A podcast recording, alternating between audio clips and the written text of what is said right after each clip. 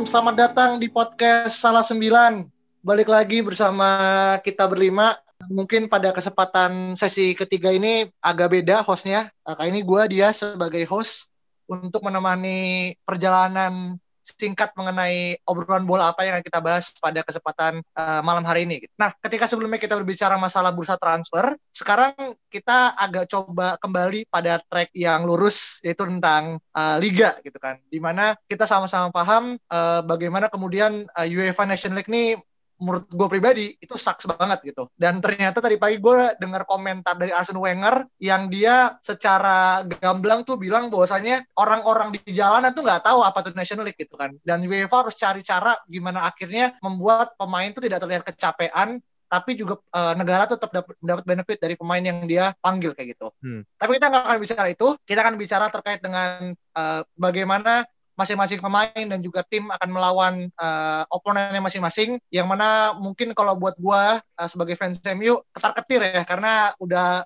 uh, kemarin mengkhawatirkan dan sekarang harus kembali dengan posisi pemain uh, banyak yang kena covid terus juga mungkin fatigue-nya juga lagi rendah gitu kan. Tapi nggak cuma MU ada banyak Liverpool, Arsenal dan juga nanti kita bakal bahas Dortmund kayak gitu. Nah, mungkin tanpa berlama-lama langsung aja masuk kepada liga yang paling eksklusif Liga Jerman. Bundesliga. nah, aku Bundesliga dulu aja, gue aja kaget. eksklusif nah, Premier League lah. Mana ada Bundesliga eksklusif? dari yang paling sikat, jadi sikat. Ini ibarat cerita Nabi ini yang paling ini, yang paling awal sebagai pembuka gitu kan.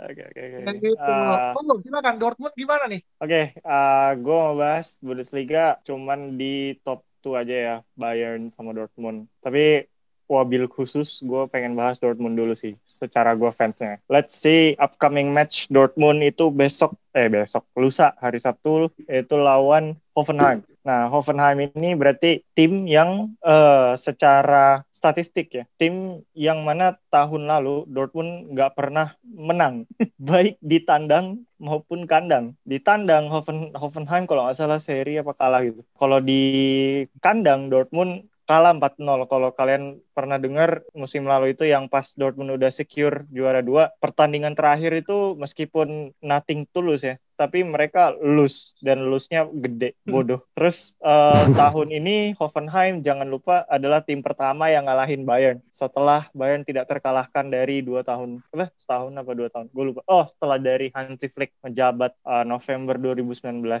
eh, jadi ini menurut gue cukup uh, tes yang cukup lumayan besar secara apa namanya secara kemungkinan ya uh, kita bisa lihat beberapa prediksi dan uh, ini agak ketat jadi gue tidak terlalu expect Dortmund untuk akhirnya bisa menang mudah. Uh, tapi gue tetap berharap Dortmund menang. Kemudian gue mau lihat dari segi personil, kita kehilangan Manuel Akanji, back uh, yang cukup bagus dalam beberapa pertandingan terakhir karena COVID-19. Wow. Sayangnya ya. Itu salah satu mudorot dari international international break. Apalagi karena COVID kan kalau misalnya perpindahan player, apalagi cross border, cross uh, country ya, antar antar negara itu bakal ningkatin kemungkinan terinfeksi dan ya that's what happened man. Jadi ada banyak banget kita bisa lihat kayak Ronaldo gitu-gitu. Iya. Ini kalau di list udah bisa bikin starting line up sendiri nih kenapa? Bener juga. Kuburnya ada aja bener juga. itu apalagi apa nanti kita bakal dengar dari Reki ternyata ada lagi pemain Arsenal yang ternyata kena COVID. Jadi oke okay, tapi kalau di Dortmund baru satu orang uh, Manuel Akanji tidak seperti klub lain ya yang mungkin bisa dibahas juga malam ini. uh, jadi kalau kita mungkin gue akan lihat Kak Akanji diganti sama Piszczek, cuman akan bermasalah uh, untuk Dortmund uh, di pertandingan setelah uh, ngelawan Hoffenheim yaitu lawan Lazio di Champions League karena yang biasanya Emre Can jadi starting center back kanan uh, kali ini Emre Can bakal harus uh, tidak main karena suspension karena kena dua kali kartu kuning sebelumnya lawan PSG. Jadi uh, ya itu bakal pusing sih uh, Lucien Favre karena Dortmund secara spesifik nggak uh, memperkuat lini belakangnya sebenarnya. Uh, jadi itu akan agak bermasalah. Gue juga bingung itu nanti mungkin antara Axel Witsel atau mungkin Thomas Munir, Munir, Thomas Munir bakal main di back tiga itu, back tiga. Tapi kalau misalnya Thomas siapa ya? tiga tiga du, eh, sorry tiga empat dua satu biasanya kalau Dortmund gitu. Jadi itu sih kalau eh, jadi gua nggak expect banyak kalau lini tengah seperti biasa eh, Axel Witsel sama Jude Bellingham paling main kalau enggak Thomas Delaney. Eh, terus gue expect Julian Brandt untuk masuk sebagai substitute. Eh, Marco Reus pasti di, di depan di tengah 3-4-1-2 mungkin ya. Eh, nah terus dua di depan frontunya itu Jadon Sancho dan Erling Haaland paling. Duo MU. Ah, itu aja. Dua Duo MU. dua taken from Trio sama MU. Bellingham. Trio sama Bellingham. Trio Bellingham. Bellingham. Iya, Trio Future United players. Yo. Let's see lah ya, 120 juta aja kagak mau gimana ya yang lebih gedenya. Oke, Eh, itu Oke. aja sih kalau Dortmund. Kita lihat Oke. kalau Bayern, eh, Bayern lawan ada dua sebenarnya, lawan Duren. Duren itu klub kecil buat tapi untuk Piala Jerman. Eh, besok, nah besoknya cuman beda satu hari. Mereka baru Bundesliga lagi lawan Armenia Bielefeld. Armenia ini Oke. baru promosi. Jadi menurut gua situasi Bayern ini lebih genting sebenarnya daripada situasinya Dortmund. Karena Oke. pembelian di bursa transfer Bayern itu juga menurut gua nggak terlalu convincing banget ya. Jadi gua sih menduga untuk lawan Duren, Duren sawit ya. Nggak, lawan Duren. Apa sih jokesnya jelek. Lawan Gue Duren Bayern ya Bayern bakal nurunin bener-bener lapis dua kayak ada siapa Mark Roha yang baru masuk Erik Roka, Cupo Roka. Moting Hmm. bakal Ya. dijadiin striker terus eh siapa paling Costa, yang Costa. siapa Costa ya Douglas Costa di kanan kirinya itu ada namanya Jamal Musiala pemain muda Oh iya, Terus tahu Mbak. eh, kipernya eh, paling Alexander Nubel karena Neuer dan kawan-kawan tuh lagi pada ini paling yang paling senior main Thomas Muller paling karena dia nggak Hmm. international duty kan Kowasi Iya. enggak Kowasi. Tanggui Kwasi mungkin main dia di back. Nah tapi kalau lawan Bielefeld hari Sabtu menurut gue bakal dirotasi yang benar-benar intinya Lewandowski dan Sane. Eh sorry Sane lagi cedera ya. Eh, Lewandowski, Gnabry gitu-gitu pasti main lah menurut gue. Dan mungkin Muller bakal di substitute awal-awal di menit apa di untuk lawan Duren besok. Jadi paling kalau buat Bielefeld dia bi- bisa main eh, main lebih lama lah kayak gitu. Itu aja Oh. dari Liga Jerman. Bro Hmm. Diaz balik lagi. Reporter Fajri telah menyampaikan situasi terkini di plan signal X8 ya Fajri ya. Yoi. Tapi tapi menarik emang terkait dengan kekalahan Bayer kemarin tuh itulah kenapa akhirnya Andre Kramaric jadi ini ya, jadi trending kan di Twitter Ah, tuh. itu dia. Bro Gua- Reki, Bro lagi, Bro juga semuanya gue ngerasa kayak wah kenapa ya ternyata dia golin dua ya kalau nggak salah ya. Iya, jadi kalau lo gue kemarin tadi tuh sempat lihat statistiknya Hoffenheim. Sebenarnya gue mencari-cari apa nih yang bikin Hoffenheim menang dari Bayern dan gue merasa jawabannya adalah eh, sesimpel pertama Bayern capek ya. Jadi highlightnya itu bisa diekspos dan itu yang benar-benar dilakuin sama Hoffenheim. Jadi Andre Kramaric itu orang paling bahaya di Hoffenheim. Sama ada satu lagi orang eh, nomor 10-nya apa De Musa Debui kalau nggak salah namanya. Dembele. Bukan dong. Ya, itulah pokoknya lawan lawan eh, kemarin lawan Bayern tuh dia bagus. Jadi kayak eh, statsnya bagus, XG-nya bagus. Dia sama Kramaric, tapi Kramaric paling bahaya. Jadi itu Kramaric diincar Bayern juga gak sih? Kalau gue baca di mana ya? Oh, pasti dong. Pasti itu rek. Gitu. Semua akan bayarin pada waktunya ya. Pada Pada, waktunya. Tapi gue gak mau Dortmund kayak gitu lagi. Dan Dortmund kayaknya juga gak mau lagi. Iya Oke, gitu lah. oke, oke. Jadi mungkin sum up-nya untuk Bayern apa minggu lalu kalau kata Coach Justin diobok-obok. Oh, iya. Diobok-obok Bayern diobok-obok. Oke. Thank you Bro Fajri. Nah, sebenarnya gue pengen banget naruh Alvin di akhir karena gue selalu pengen uh, MU itu jadi penutup lah dari cerita. Tapi masalahnya Bro Alvin, ini dua match lainnya ini benar-benar bahaya nih. Pertama ada derby Merseyside uh, Everton lawan Liverpool dan gue yakin semua mata akan nonton ini semua. Pasti banget kayak gitu kan. Nah, tapi sebelum masuk ke gue tuh taruh di akhir. So, uh, Bro Reki bisa menyiapkan jawaban terbaik ya. ya, gue pengen masuk dulu uh, ke Alvin dulu nih, karena kan ada Arsenal juga lawan City kan. Itu juga big match juga. Tapi, uh, nah, Bro Alvin gimana nih menanggapi miss-nya Martial, Cavani belum main? Bagaimana posisi striker nih menjadi sangat vital, Bro Alvin, untuk pertandingan melawan Newcastle, Bro? Jadi untuk lawan Newcastle ini ada kemungkinan MU bakal main 4 4-2 Diamond ya. Oke. Ya, karena di depannya kan kehilangan Martial dan Cavani. Jadi kemungkinan juga depannya bisa Marcus Rashford dan Greenwood. Nah, di empat tengahnya itu gue nggak tahu ya. Pasti ada Bruno, Van de Beek. Pogba. Bruno nggak boleh main cuy. Bruno kan kena itu kemarin. Gara-gara Krisno apa namanya kena COVID. Dia nggak boleh masuk Inggris, Inggris dulu yang gue baca. Waduh. Eh, Cavani juga kenapa tuh nggak masih belum bisa main? Cavani Kamu- ini self isolation, isolation ya. Lagi isolation. Oh, masih pada protokol. Masih pada protokol. Mm-mm. Oke, kalau Bruno nggak main sih ya it's done ya. mungkin Juan ya, mungkin Juan Mata yang bakal ma- yang bakal main ya di posisi AM-nya. Terus belakangnya ada Pogba, Van de Beek, terus depannya eh, belakangnya lagi kemungkinan ya kalau nggak Matic, Fred atau McTominay gitu. Untuk Hmm. Alex Telles sendiri sih gua nggak yakin ya dia bakal langsung main. Ya. Tapi gua, ya, tetapi gua harap sih dia langsung main ya karena untuk eh, menunjang formasi 4-4 diamond eh, diamond itu butuh fullback yang sangat ofensif dan menurut gua Alex Telles ini sangat ofensif dan crossingnya cukup bagus dibanding eh, Luke Shaw ya. Iya. Apalagi di kanan nih bakal bakal statis banget dengan kalau kita tahu Aaron Wan bisa kayak ini untuk atribut menyerangnya itu nggak sebagus kayak back kirinya kayak Alex Telles gitu gitu. Iya, iya. Hmm, Iya sih, benar-benar. Gue setuju sih, karena eh, sama juga karena gue ngelihat kayak apalagi ya, gue kemarin agak agak agak merasa apa ya kasarnya inilah cukup terpukau dengan ini cuy apa passingnya Pogba cuy di Perancis kemarin yang dia passing panjang long range dari tengah ke kiri itu loh. Lu lihat nggak? Hmm, hmm. yang ke Lukas Digne itu kan. Ini Lukas Digne itu itu benar-benar football ini banget sih apa apa eh, fetish banget sebenarnya. Tapi Tapi Football bloody hell. football bloody hell tuh ya itulah gitu. Nah gue makanya harapannya dia bisa mulai menunjukkan gitu kan. Nah mungkin mungkin sebelum pindah nih Bro Alvin, gue pengen nanya terkait dengan gonjang ganjing sebenarnya Bruno dan juga Ole ini katanya lagi ada masalah. Ini akan mempengaruhi nggak nih Bro Alvin? Eh, harusnya enggak sih soalnya Bruno sendiri yang gue baca sih udah klarifikasi ya kayak semua orang bisa menggunakan nama saya untuk segala berita gitu. Jadi kayaknya sih ya kayaknya sih cuma apa apa permainan media aja. Tapi kita nggak pernah tahu ya apa yang terjadi sebenarnya gitu. Iya iya iya iya iya oke oke. Eh, apalagi kayak Harry Maguire kan kemarin kartu merah juga tuh buat Nah dua kartu kuning nggak penting. Jadi kayak gue Iya, sendiri iya. sih untuk melihat untuk back four ini siapa yang harus dipakai. oke oke oke. Nah terakhir sebelum pindah, Ole in atau Ole out? In dong, harusnya in dong. Wah, udah all in, all out lagi nih. Gue oleh stay sampai akhir musim. Nanti kita Oke oke.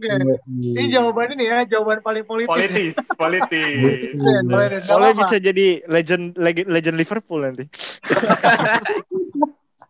Jadi pas Pochettino-nya dapat sama klub lain nangis gitu. Oke oke oke. Thank you thank you Alvin. Thank you. Kita pindah sekarang uh, agak melipir ke London uh, ke Bro Reki nih mungkin nih. Uh, ini menurut gue seru karena akhirnya gue ngerasa punya banyak fans Arsenal dan mereka tuh kayak orgasme banget lihat partai kayaknya nih. Partai bakal langsung main apa enggak gitu kan dan gimana akhirnya sistem suite dengan beliau cuman mungkin gimana nih prediksi melawan uh, Man City nih uh, Bro Reki. Oke, jadi Arsenal lawan Man City ini bakal jadi laga yang penting buat kedua tim nih menurut gue nih. Karena kalau Arsenal menang, ini bakalan nunjukin kalau Arsenal ini jadi calon serius masuk ke top 4 gitu. Begitu begitu juga kalau City menang, ini pun akan menunjukkan keseriusan City untuk menjadi title contender merebut eh, dari Liverpool kayak gitu. Nah, cuman yang jadi masalah adalah City ini startnya di musim ini di tiga pertandingan awal justru malah kepleset gitu. Kalau dibandingin musim lalu, City yang bisa mengumpulkan 7 poin dari tiga pertandingan pertamanya, dibandingkan dengan musim sekarang yang baru 4 poin dan satu kalah, satu kalahnya pun dibantai oleh Leicester 5-2 gitu. Jadi kan di match sebelumnya juga dia lawan Leeds bisa dibilang agak kesulitan kalau gue lihat waktu nonton kan. Jadi City ini juga bakalan jadi laga yang penting nih lawan Arsenal nih. City ini serius nggak sih ini buat buat jadi juara lagi nih di tahun ini nge meruntuhkan dominasinya Liverpool lah di musim lalu gitu. Makanya laga ini jadi laga yang penting buat kedua tim gitu, buat ambisi kedua tim, buat saling membuktikan. Nah, dari sisi Arsenal sendiri, eh, Arsenal dari international break in, international break kemarin dapat mudorotnya dari Kieran Tierney. Jadi Kieran Tierney ini eh, ada close kontak sama pemain Skotlandia, gue lupa namanya siapa, eh, yang kena positif COVID juga. jadi si Tierney harus diisolasi. Nah, cuman setelah diupdate dia udah dua tiga kali swab uh, yang gue baca dan Arteta pun sedang mengusahakan ke pihak yang punya otoritas kalau Tierney ini agar dapat lampu hijau untuk tetap main gitu karena Tierney ini salah satu uh, piece yang penting untuk Arteta dipasangkan di defender kiri gitu bukan hmm. sayap kiri tapi defender yeah, yeah. tengah posisi yeah. kiri jadi yeah. dan itu cuma punya Tierney gitu yang punya bisa di posisi itu Kolasinak mungkin bisa tapi atributnya berbeda gitu Kolasinak hmm. tidak punya kecepatan sebaik Tierney makanya Arteta sampai tadi gue baca artikel yang official dari Arsenalnya bilang masih mengusahakan agar si Tierney ini main Sementara kalau Party, gua harap sih dia bisa langsung main karena kalau dari fitness dia tidak ada masalah sama sekali. Arteta bilang di press conference-nya Party ini fit, pulang dari Ghana International Break juga fit, jadi tinggal bagaimana dia di latihan aja nih, di latihan apakah udah bisa nyetel atau gimana. Karena di match terakhir sebelum game week ini Arsenal ini menang agak alot lawan Sheffield dan salah satu masalahnya ada di lini tengahnya yang mandek. Jadi gak punya breaker yang bisa ngasih umpan uh, horizontal ke depan. Jadi mainnya itu ya switch play aja atas bawah atas bawah. Saya balos pindahin ke kiri, pindahin lagi ke kanan dan mentok di situ gitu.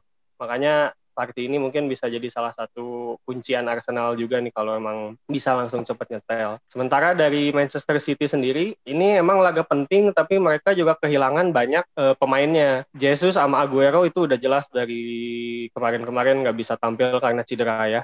Sehingga City kepaksa harus tampil tanpa striker murni gitu. Jadi mereka pasang Mahrez, bergantian sama Sterling buat jadi for, center forward gitu. Di pertandingan lawan Leeds juga Mahrez tampil di tengah, ya memang perannya nggak nggak akan sebaik Aguero atau Jesus yang memang role-nya striker murni gitu. Penempatan Mahrez yang aslinya sayap maupun Sterling ini memang hanya untuk bisa berlari berlari di belakang back lawan gitu dan Leeds kemarin bisa menahan Mahrez gitu untuk tidak terlalu tampil baik. Nah lawan Arsenal pun kemungkinan ya pasti kalau memang Jesus sama Aguero konfirmasi cedera ya pasti akan menampilkan kayak gitu lagi polanya. Nah, Sterling pun gue dengar tadi kurang fit juga nih setelah international break gitu, 75% kondisinya Sterling sama De Bruyne. Cuman bukan cedera yang gimana-gimana, jadi harapannya masih bisa tampil. Guardiola bilang gitu. Cuman untuk fitnessnya itu sih gara-gara international break, jadi mungkin akan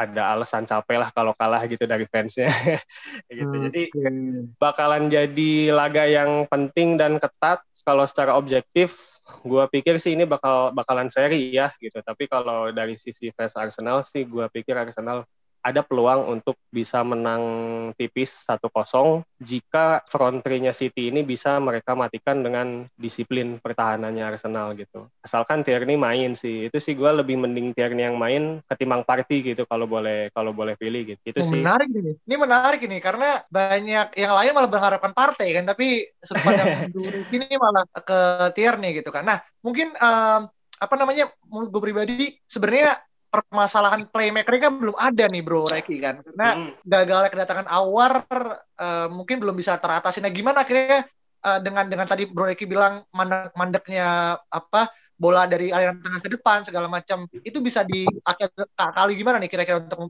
menembus uh, apa uh, uh, Liverpool bro? Man City mungkin maksudnya. Oh, sorry sorry Man City. ya jadi maksud gue gini ralat sedikit urgensinya menurut gue lebih penting Tierney daripada Partey tapi ya bagusnya dua-duanya sih main gitu. Nah mengenai yang lini lini, lini tengah mandeg. Kalau dari fanbase Arsenal sih kan banyak yang terbagi ke dua kubu yang satu pengen free Ozil karena pak sampai ada hashtagnya gitu karena satu satu hmm. Ozil ini satu-satunya yang memang nomor 10 di Arsenal saat ini gitu e, dengan situasi yang rumit dengan dia slack sama klub dan lain-lain gitu situasi Ozilnya mau main nggak Nah itu kan kita nggak nggak ada yang tahu juga kan makanya jadi terjadi dua kubu. Bahkan Arsenal sendiri di Europa League sudah mendaftar, mendaftarkan pemain yang di dalamnya tidak ada Ozil. Dan, seben, yeah. dan sebentar lagi pun uh, Premier League ini kan harus masukin deadline registrasi pemainnya. Ini juga lagi ditunggu-tunggu nih. Kalau misalnya si Ozil ini nggak diregister, berarti memang Ozil kita sudah tidak akan melihat Ozil lagi bermain Rek. di musim ini gitu ya. Ozil nggak diregister tapi yang diregister Gunnersaurus aja. Plot twist gajinya kan buat kena Saurus. Nah, Makanya antisipasinya si Arsenal ini kalau gua awalnya lihat Arteta ini masih kekeh untuk polanya ini 4-2-3-1 gitu dia. Jadi benar-benar berkaca sama Guardiola lah gitu. Apa yang Guardiola ter- terapin di City, dia pelajarin dan dia pengen Arsenal itu defaultnya itu adalah 4-2-3-1. Nah, tapi Hmm. setelah kondisinya kayak gini, dia juga susah dapat playmaker, target utama playmakernya Hosam Awar juga nggak dapet.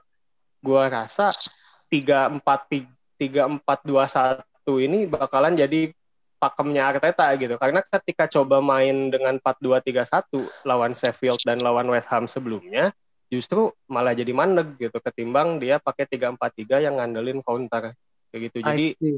I see. Uh, uh, jadinya yang tadinya si 3-4-3 ini jadi alternatif, mungkin bakalan jadi utama gitu. Karena si Thomas Partey sendiri kan sebenarnya bukan bukan playmaker, tapi lebih Iya. kayak kalau singkatnya lebih kayak Yaya, To- Yaya Toure lah dulu saat Hmm. prime-nya di Manchester City gitu. Iya, Lebih iya. kayak dia dia bisa masuk ke final third yang gak dipunya midfielder midfielder Arsenal sekarang dan Nietzsche Balos juga kan nggak terlalu banyak masuk ke dalam dia lebih ke deep aja gitu dari dari Iya. belakang kayak gitu sih I see. I see, paham, paham. Oke, Hmm. uh, thank you banget. Dan mungkin kalau mungkin tadi teman-teman nonton City lawan Arsenal agak boring, mungkin gue saranin nonton ini Arsenal Fan TV. Itu dijamin TY, terus juga ya gue lupa nama-namanya tapi mereka para channel komedian menurut gue itu lucu banget sih. ya, itu salah satu jokes yang sering jadi inilah bahan ejekan di Iya, Twitter. bener Oke, nah ini dia nih yang ditunggu-tunggu. Yang mana menurut gue sih sebagai gue sama Alvin sebagai fans MU mungkin ya oke lah. Tapi hype the hype is there gitu kan antara pertandingan Derby Merseyside yang mungkin sekarang terlihat jauh lebih equal. Terlihat semua tuh akhirnya punya peluang gitu kan. Apalagi yang kemarin minggu lalu gue baca fans Everton tuh kayak di atas angin setelah melihat ada semacam kecocokologis di mana eh, ketika satu musim itu bergulir dan Arsenal eh, apa namanya Liverpool kalah lawan Aston Villa dengan skor yang cukup besar, Everton juara Liga Inggris. Dan itu bisa dicek di apa namanya di eh, eh, di Twitter gitu kan itu gue dapet dari Twitter. Nah, Iya. langsung aja gimana Bro Agi pendapatnya? Kalian terlalu percaya sama tahayul. Ngaco. Aja. Udah. Intinya fans-fans Everton tuh udahlah jangan banyak bermimpi gitu. Ah, Oke, hari ini dia ada di puncak klasemen, tapi ingat, dulu pun Arsenal pada saat sebelum mulai IPL, dia juga berada di puncak. itu kan abjad anjir Tiap tetap- musim absen. Emang absennya. Oke, kita bakal bahas tentang Derby Merseyside, di mana sebenarnya gue boleh jujur ya, gue ketar-ketir sih. Karena di sini gue di salah sembilan harus eh, profesional, tidak harus me, Emang lo dibayar? iya Iya sih sebenarnya cuman gue harus eh, ya menunjukkan lah gitu eh, taji gue sebagai calon Taji. Yo. Mantap. Oke, next untuk Everton versus Liverpool ini kita eh, nanti kita ada pertandingan itu berada di Goodison Park di kandangnya Everton di mana sebenarnya ini merupakan keuntungan tuan rumah sendiri ya yang mana saat ini tadi yang disampaikan oleh Dias mereka sedang berada di puncak klasemen ditambah James Rodriguez yang sepertinya kali ini tuh dia bis- bisa menjadi salah satu transfer tersukses di season ini. Boleh setuju boleh enggak.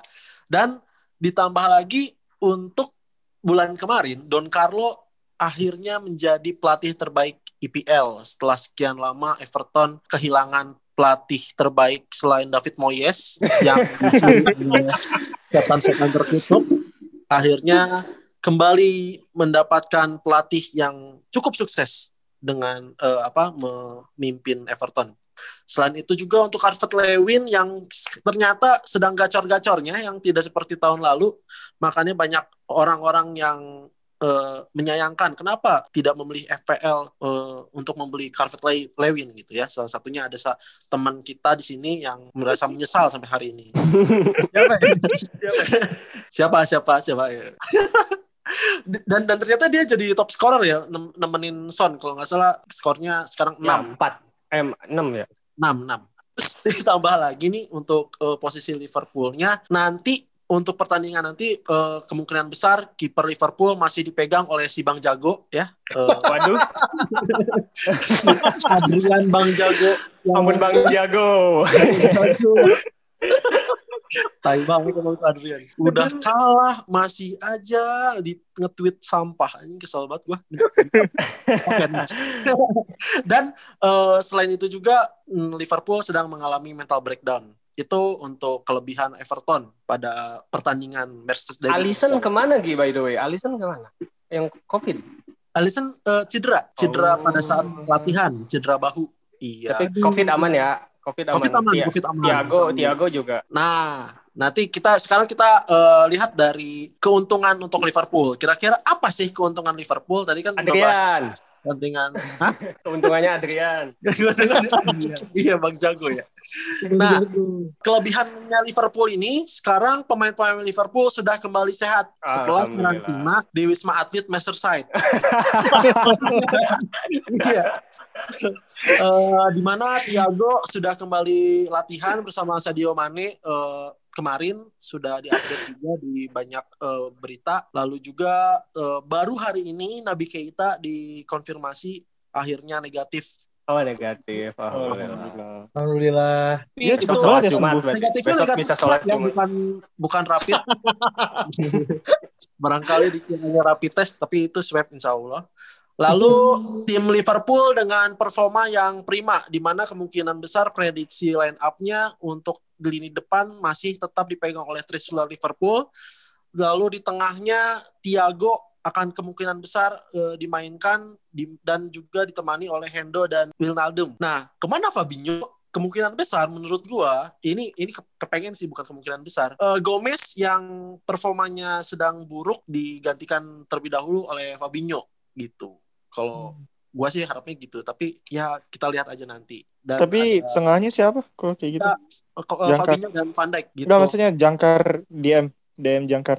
Jangkar kemungkinan dipegang oleh Henderson ya. Oh, I see. Henderson atau eh, atau Thiago mereka berdua bisa memegang DMF sih sebenarnya. Gak maksud gua Thiago kan lagi cedera kan, lagi kayak recovery gitu.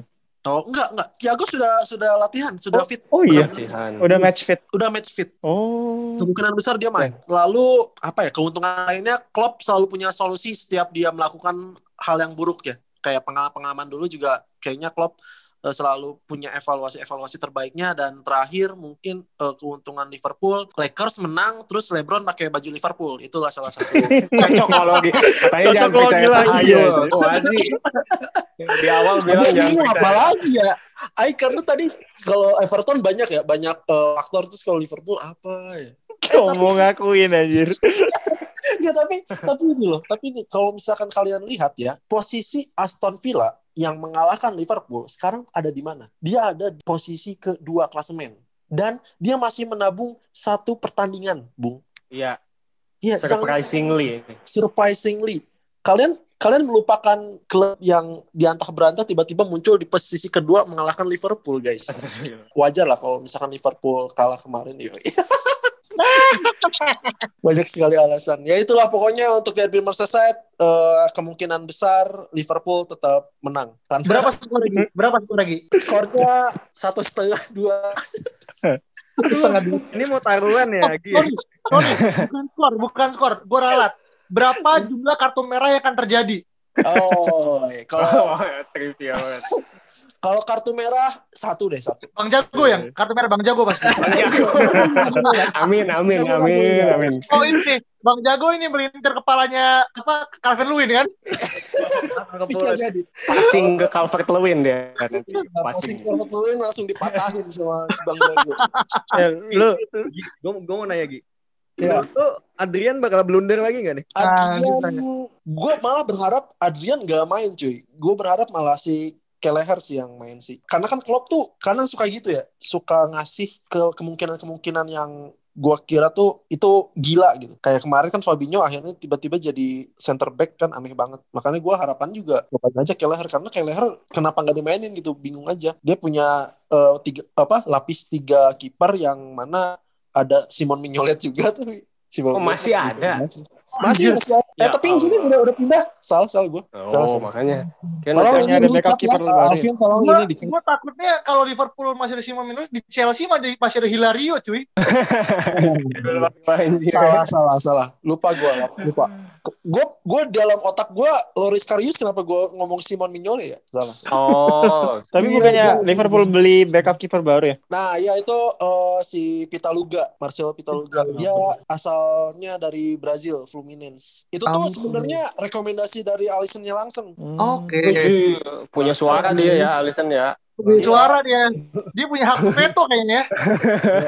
Ya, juga tinggi Liverpool memang. Oke. Adrian. Kan Adrian ya. Kalau Ardian ngasih saran mah nggak mungkin diterima. Gua aja yang main kan. Ya, iya. Oke, siap. Terima kasih eh, Bang Jago, eh, Bang Jago Reki atas eh, eh, overview-nya dan mungkin untuk podcast eh, salah 9 episode eh, ketiga cukup sekian. Eh, semoga teman-teman mendapatkan hidayah dari apa yang kita didengarkan gitu kan dan apa yang mungkin yang tadi disampaikan oleh eh, para pundit-pundit eh, malam ini bisa ada yang benar ada juga yang salah dan Pundit-pundit tidak berbayar. Pundit-pundit tidak berduit ya kan? Eh, eh, apa menghasilkan hasil dan sampai berjumpa di eh, minggu depan. Thank you